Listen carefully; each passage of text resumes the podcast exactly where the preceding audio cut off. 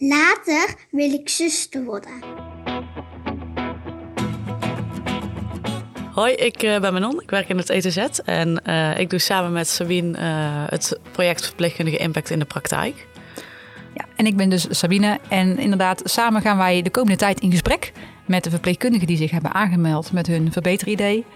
En dat gaat heel erg leuk worden, want je gaat volledig geïnspireerd worden hoe je je eigen praktijk kunt veranderen en verbeteren.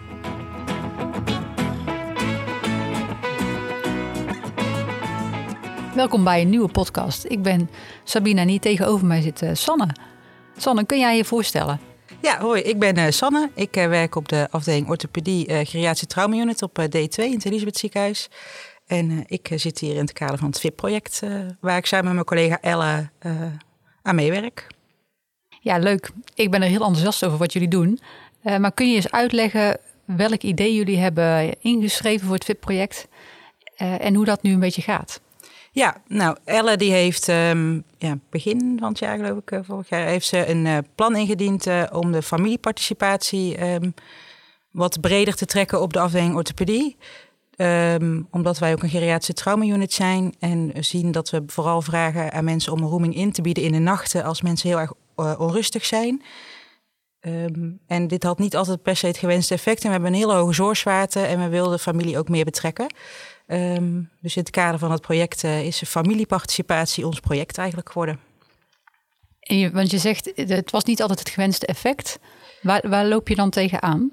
Nou, waar we tegenaan liepen was dat uh, ja, de geriatrische traumabio is uh, twee jaar geleden bij de orthopedie gekomen. Wat, wat een andere zorgzwaarte met zich meebracht. Aangezien we ook dwarslesiezorg bieden. Met, een, ja, met veel familie over de vloer en patiënten die niet altijd voor zichzelf uh, op kunnen komen of uh, kunnen verwoorden wat ze willen. Uh, wat we dan deden was als mensen onrustig waren in de nacht, of als we bedachten dat, we, dat ze misschien onrustig zouden worden, dan vroegen we familie om rooming in te bieden in de nachten. En dat overviel familie vaak heel erg. Um, dat is nogal een heftige vraag die we stellen, want dat kost hun heel veel energie. midden in de nacht en ze weten niet zo goed wat ze kunnen doen. Wij merken dat we maatwerk aan bieden waren per patiënt. Dat dat we soms bij vijf verschillende mensen andere bezoektijden hadden afgesproken, omdat we wel hulp konden gebruiken van de familie. Dus om dat beter op de kaart te zetten en om die familie wat beter daarin te kunnen begeleiden ook, um, is dit project eigenlijk gestart. Ja, mooi. Dus om ook wat meer verwachtingen uh, af te gaan stemmen. Ja.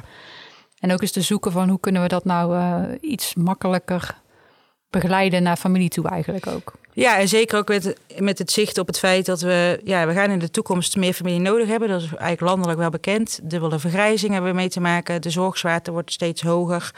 Um, en we willen daar nu eigenlijk op inspelen, omdat we, ja, het voor ons ook een proces is om daaraan te wennen. En um, we denken dat we daar ook wel echt de perfecte doelgroep voor hebben om dit te doen. Ja, en hoe mooi is het want weet je, er komt ook vaak heel veel angst bij kijken, volgens mij, bij de, de categorie mensen die uh, bij jullie liggen. Ja, zeker.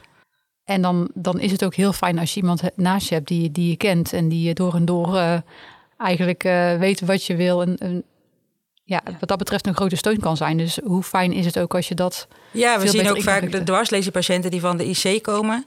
Um, die vinden het heel erg spannend om bij ons te komen, omdat ze daar één op één zorg krijgen. Um, en wij zijn heel erg, staan, staan er altijd heel erg open voor dat er bijvoorbeeld iemand blijft slapen of uh, op andere momenten aanwezig is of helpt bij de zorg. En het is fijn als wij straks ook naar de andere afdeling kunnen communiceren dat dat bij ons kan. En dat ze patiënten daarop voor kunnen bereiden, dat dat bij ons de mogelijkheid is. En dus misschien ook vast over nadenken van oké, wie, wie wil ik dan dat er blijft slapen? En wil ik dat überhaupt? Of wil ik misschien iemand die alleen met mij een rondje loopt of met mij een ijsje eet of een spelletje doet? Uh, we moeten af, denk ik, van alleen maar mensen vragen om te komen slapen als het heel erg onrustig is in de nacht. Ja, dus het moet, het moet een beetje, de vrijblijvendheid mag wel een beetje veranderen naar, oké, wat, wat, wat kan en hoe. Uh, ja. Maar dat ze jullie nodig zijn is eigenlijk wel gewoon een feit.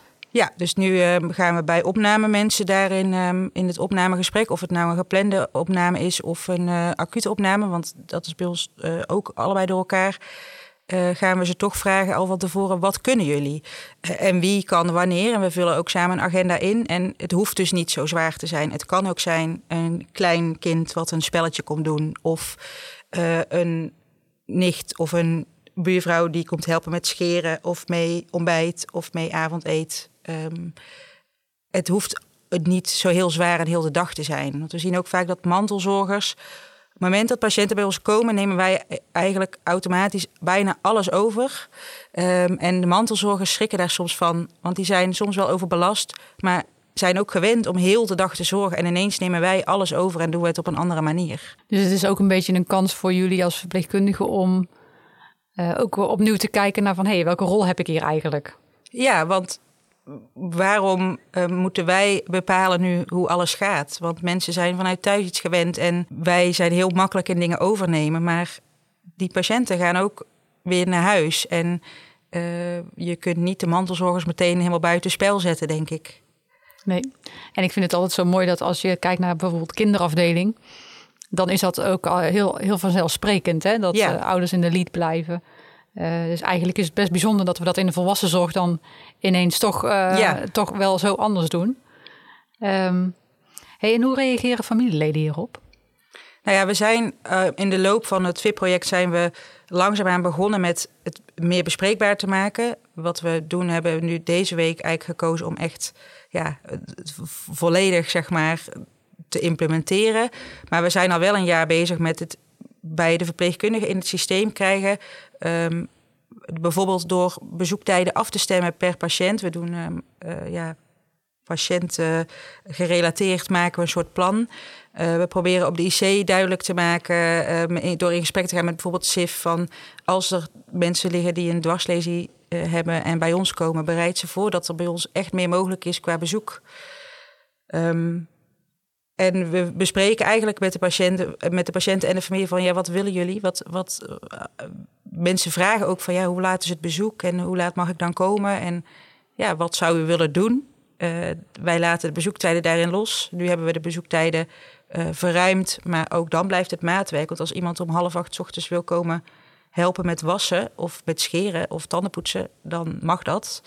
Um, maar we moeten natuurlijk wel zorgen dat het dat het dan ook een functie heeft. Dus uh, familie reageert daar eigenlijk best goed op. Beter als op het feit, als we zeggen we gaan midden in de nacht bellen. Als iemand verwacht is en komen jullie dan hier slapen? Want ze weten vaak ook niet zo goed wat ze mogen en wat ze kunnen. En dat is nogal een opgave. Dus kleine dingen vinden ze eigenlijk wel fijn. Ja. Samen eten of ja. samen uh, uh, of even haren kammen, een spelletje doen.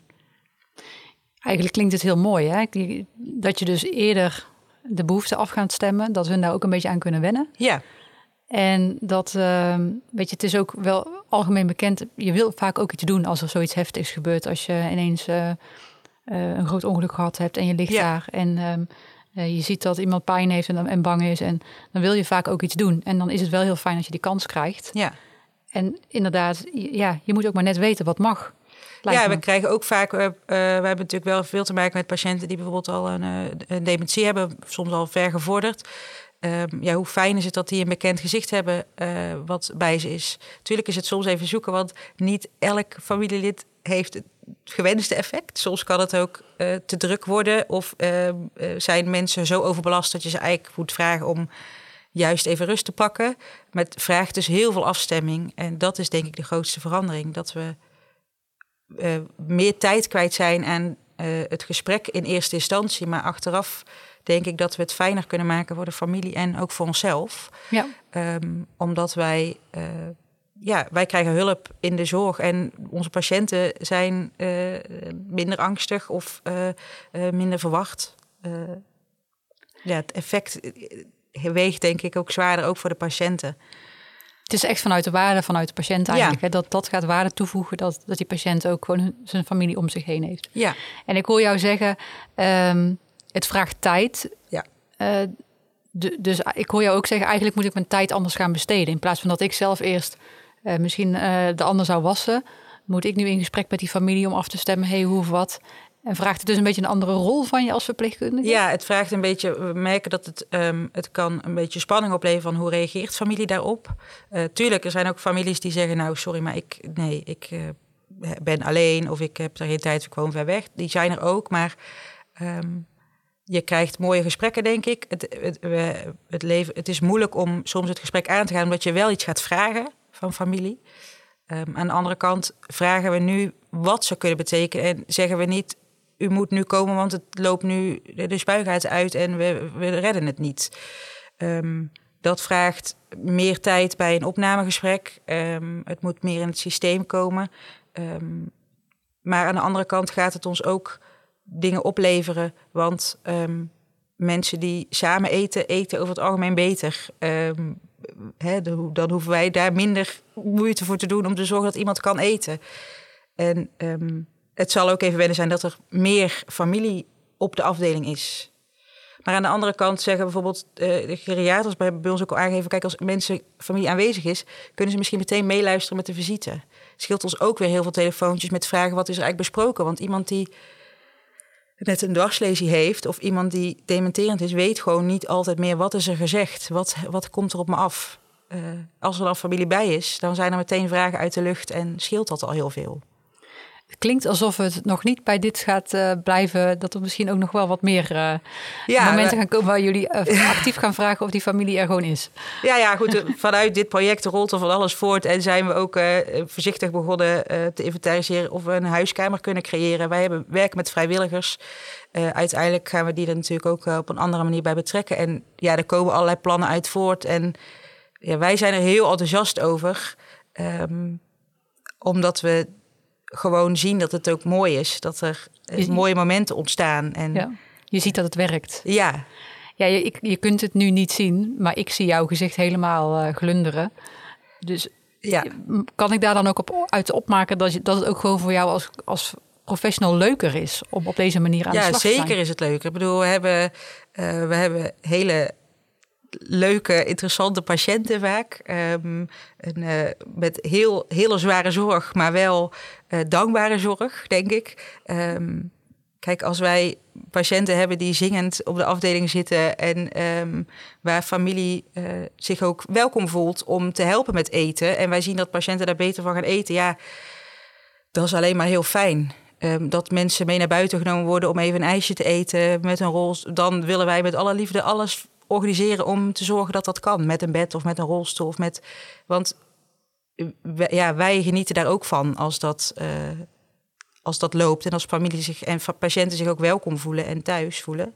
Ook al zijn ze er voor niet zo'n hele leuke reden, zeg maar. Ja, zeker. En, en, en Sanne, jullie, jullie zijn nu al um, nou ja, sinds maart een beetje ingestapt in dit FIT-project-traject. Ja. Als je daarop terugkijkt, hoe, hoe, wat heeft dat jou nou gebracht dat je dit nu samen met een groep andere collega's doet? Want iedereen heeft zo zijn eigen project. Ja. Uh, maar je komt wel steeds bij elkaar om het daarover te hebben en hoe je met Zeker. elkaar aan het veranderen bent. Ja. Uh, wat, wat levert jou dat nou op? Nou ja, ik doe het al samen met Elle. Dus Elle en ik wisselen een beetje af wie wanneer naar de bijeenkomsten en zo gaat. Ja, we hebben het er ook op de afdeling over hoe interessant het is om met zo'n groep verpleegkundigen... hoe goed we op elkaar reageren en hoe, hoeveel we van elkaar leren. En hoe fijn het is om al die projecten te zien. We hebben echt al zoveel projecten ook gezien waarvan we denken... oh, daar kunnen wij ook iets mee. Of oh, wat, wat een... En het hoeft allemaal niet heel groot te zijn. Uh, maar omdat je er echt op projectmatige basis met elkaar aan werkt... leren wij er heel veel van in hoe, hoe, werkt, nou, hoe werkt het nou om zoiets op te zetten... en waar loop je tegenaan en hoe ga je dat... Uh, hoe, hoe ga je die hordes nemen en welke cadeautjes ga je verzamelen. Mm -hmm. um, maar ook van elkaar leren... Um, dat iedereen daar tegenaan loopt en elkaar steunen. En we krijgen goede ideeën van elkaar. En uh, ja, ik, ik, moet zeggen, ik vind het echt heel erg leuk. En iedereen is heel enthousiast. Ja, dat is heel grappig. Ja. Telkens als we met elkaar zijn, dan, dan heb, moet ik me ook altijd zeggen tegen mezelf van... dit is niet één team, maar het lijkt soms wel alsof het ja. één team is. En dat vind ik zo bijzonder, omdat jullie overal verspreid zitten. Terwijl als we met elkaar zijn, ja, dan kun je dat helemaal niet, uh, nee. kun je het niet zien. Dus dat, dat, vind ik altijd zo bijzonder, hoe snel dat er, die verbinding er meteen is. Ja, je komt toch op een structurele basis samen. Dus je bouwt dan wel echt iets op. En ik vind het heel fijn dat je dit project nu, omdat, je, omdat het vaststaat in welke momenten we samenkomen, dat we het ook echt gaan afmaken, zeg maar. Dus soms start je wel eens een werkgroepje en dan is er wel eens een... En dan vervliegt het een beetje of dan is het te druk. Of het, maar dit is gewoon de ruimte is er en we kunnen dit echt heel goed neerzetten. En het is een mooie stok achter de deur Zeker, ja. ja.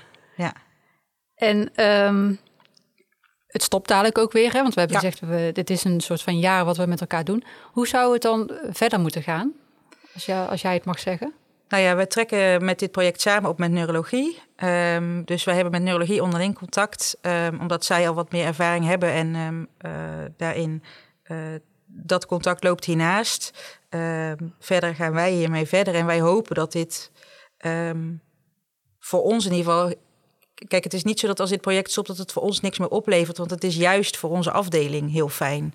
Maar ik denk dat uiteindelijk kunnen de andere afdelingen misschien weer hiervan de, eh, de, de lering trekken, zeg maar, en dat het bij hun ook geïmplementeerd kan worden. En we hopen dat dit gewoon uiteindelijk straks ziekenhuisbreed meer ingezet gaat worden. Want dan zijn wij niet meer de, de afdelingen die daarin uitzonderlijk zijn. En is het makkelijker communiceren ook. Ja. Ehm, ja, en we denken dat we er gewoon heel veel uit kunnen halen. En hoe zouden we die, die, die verbreding, zeg maar, want ik denk dat je helemaal een belangrijk punt hebt. Weet je, dit, is, dit moet niet een uitzondering zijn. Dit moet, eh, Ja. dit, dit moet eigenlijk gewoon een normale gang van zaken worden. Ehm, maar hoe gaan we dat doen? Hoe gaan we dat ETZ breed trekken? Wat zou, wat zou jouw tip zijn? Nou ja, wat je dan leert van dit project met al die verpleegkundigen samen, is dat je dus van elkaar heel veel leert. En dat je merkt dat je dus tegen dezelfde dingen aanloopt.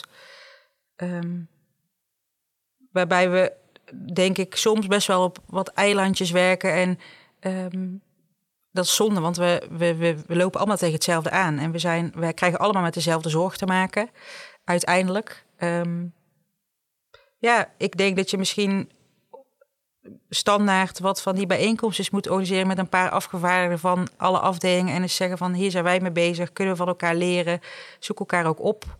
Eh, als, we bekend, als bekend is wie voor welk project het aanspreekpunt is, ja, graag als andere afdelingen daar iets over willen weten. En daardoor kan ik andere afdelingen ook opzoeken. Hoe doen jullie dat? Dus ei- eigenlijk zouden we in januari weer de vraag moeten stellen: jongens, wie wil er met familieparticipatie aan de slag? En dan kunnen we jou, dan kunnen we jou eh, samen met jouw collega vragen als ervaringsdeskundige, zeg maar, om, Bijvoorbeeld, om eens wat goede tips en ideeën te delen. Ja, bijvoorbeeld. Ja. Dat zou wel interessant zijn. Misschien moeten we daar verder over praten. Maar ik denk niet in deze podcast. Nee. Eh, dus dat wordt zeker vervolgd. Ehm, Sanne, ik denk dat je heel mooi hebt verteld ehm, hoe jullie aan de slag zijn met familieparticipatie en wat het jullie oplevert. Dank voor je enthousiasme. Graag gedaan. Eh, en wij gaan elkaar weer zien. Ja. Wil je nou getipt worden voor de volgende podcast van deze serie? Vink dan het belletje aan onder het logo. En dan krijg je een tip als de volgende podcast online staat. Tot de volgende!